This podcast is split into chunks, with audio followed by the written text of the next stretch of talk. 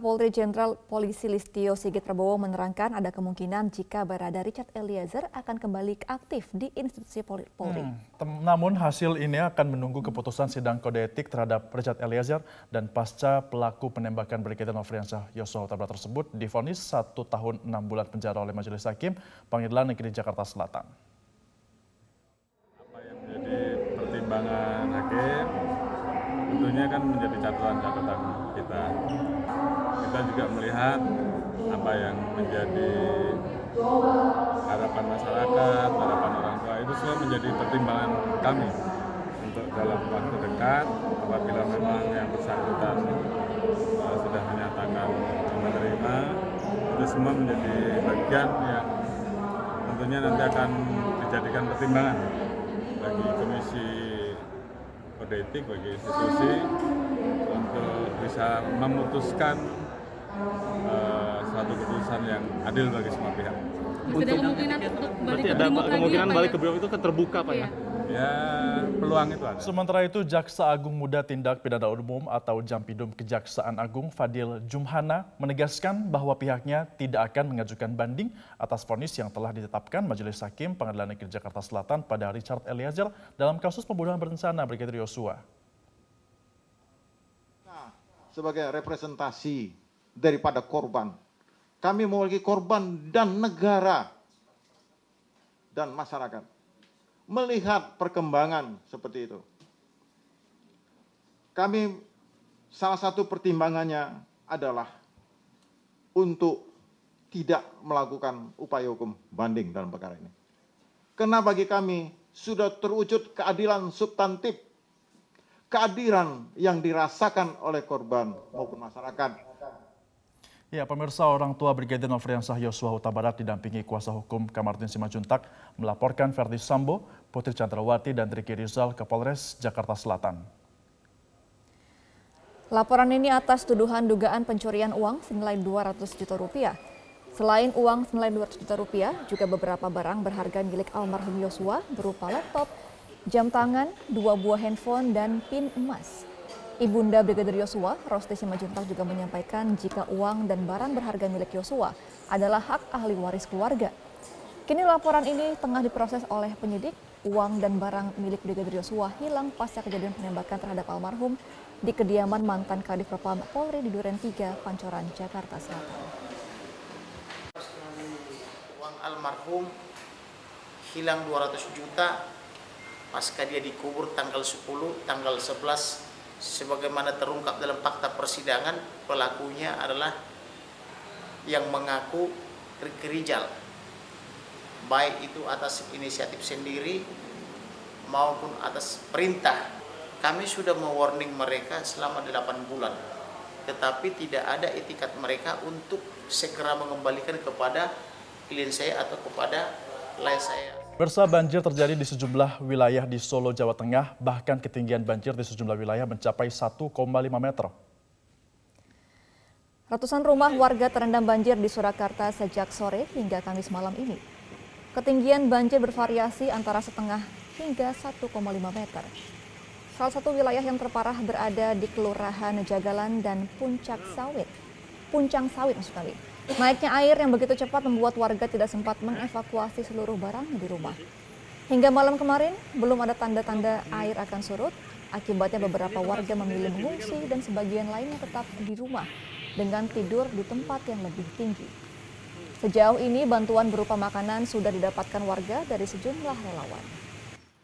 Kalau sini satu RT itu sekitar ya 30-an kakak kalau di sana RT 3 RW 6 itu hampir keseluruhan Kena, terkena semua. Berapa kakak, Pak? 90-an lebih, sekitar hmm. 90-an kalau RT 3 RW 6 itu. Terus Sama. ini untuk terus ini untuk tidur terus makan gimana, Pak? Ya, untuk sementara kami dari pengurus RT juga menyediakan tadi ya karena memang kita nggak bisa menyelamatkan apa-apa. Semua barang oh, barang-barang lain mungkin Magic juga banyak yang Kena, terkena, iya. Sementara itu pemirsa banjir juga menerjang sejumlah wilayah di Kabupaten Kudus, Jawa Tengah. Banjir dipicu jebolnya lima titik tanggul sungai akibat intensitas hujan yang tinggi. Wilayah yang terendam banjir berada di Kecamatan Mejobo, yakni Desa Golan Tepus, Desa Mejobo, Desa Hadiwarno dan Desa Temulus, serta Desa Kesambi. Banjir di wilayah ini disebabkan oleh jebolnya lima titik tanggul sungai akibat menampung air hujan dengan intensitas tinggi. Untuk mencegah makin tingginya banjir, Dinas PUPR Kudus bersama BPBD dan personil gabungan menambal lima titik tanggul yang jebol secara darurat. Hal itu untuk mengantisipasi potensi curah hujan yang semakin tinggi ke depannya.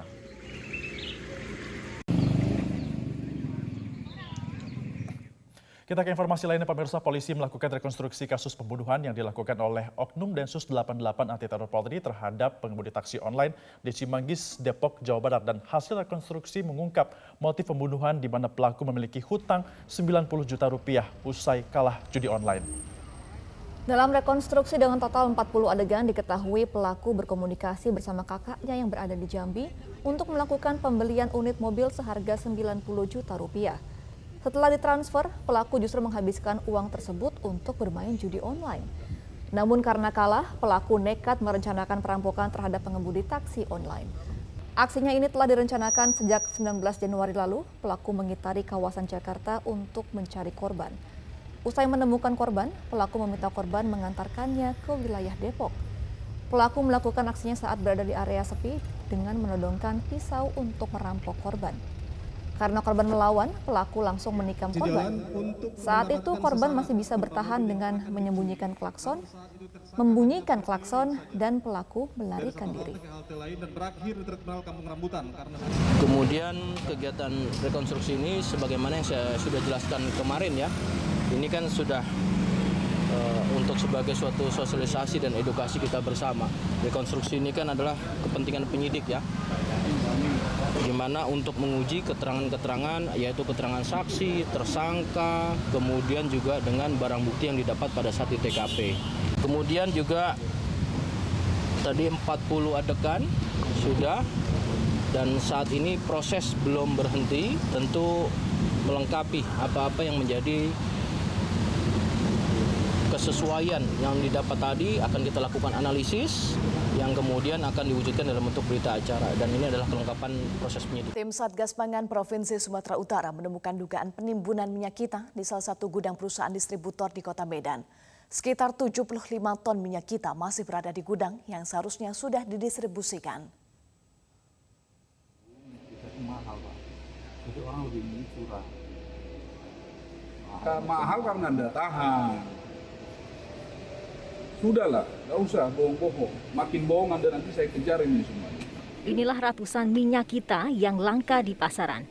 Setidaknya sekitar 75 ton minyak kita tersimpan rapi di dalam gudang perusahaan distributor di Kota Medan, Sumatera Utara. Satgas Pangan Provinsi Sumut menemukan minyak kita dalam penggerbekan Senin sore. Minyak kita yang disimpan di gudang ini sudah diproduksi sejak bulan November 2022 yang seharusnya sudah didistribusikan. Sekretaris Tim Satgas Pangan Provinsi Sumut, Naslindo Sirait, mengatakan hingga bulan Februari 2023 minyak goreng subsidi minyak kita belum juga didistribusikan oleh PT Yorgo Jawar Retail yang mengindikasikan adanya dugaan penimbunan. Sekitar 75 ton atau 7.000 kardus. Awalnya pada waktu kita wawancara mereka menyatakan tidak memproduksi atau tidak menyalurkan minyak kita. Mereka hanya memproduksi uh, minyak curah, tetapi setelah kita temukan terdapat minyak kita di gudangnya dan kita sudah cek juga sistem uh, stok mereka di sistemnya dan tentu dengan sejumlah barang yang kita temukan di lapangan. Sementara itu di Bengkulu tidak ditemukan minyak goreng subsidi kemasan minyak kita. Kondisi ini terpantau setelah Satgas Pangan Polresta Bengkulu langsung melakukan pengecekan di sejumlah lokasi dari tingkat distributor, toko grosir besar hingga gudang bulog. Di tiga titik lokasi ini keberadaan minyak goreng subsidi tidak terlihat, sementara minyak goreng premium yang harga jualnya tinggi justru melimpah. Para pemilik gudang distributor dan toko grosir mengaku sudah lebih dari dua pekan ini belum menerima pasokan minyak kita. Keterlambatan pengiriman diduga menjadi pemicu kekosongan minyak goreng murah tersebut. Pemerintah daerah diminta proaktif, minta tambahan kuota agar kebutuhan masyarakat tidak terganggu. Yang Jadi kita, Bang, ya? kami sampaikan bahwa untuk saat ini masalah penimbunan berdasarkan pengecekan tadi itu tidak ada penimbunan. Dan untuk minyak yang lain stok cukup banyak, termasuk kita cek di Bulog penyampaian mereka ini juga sementara menunggu pengiriman untuk kota kita. Jadi apa solusi?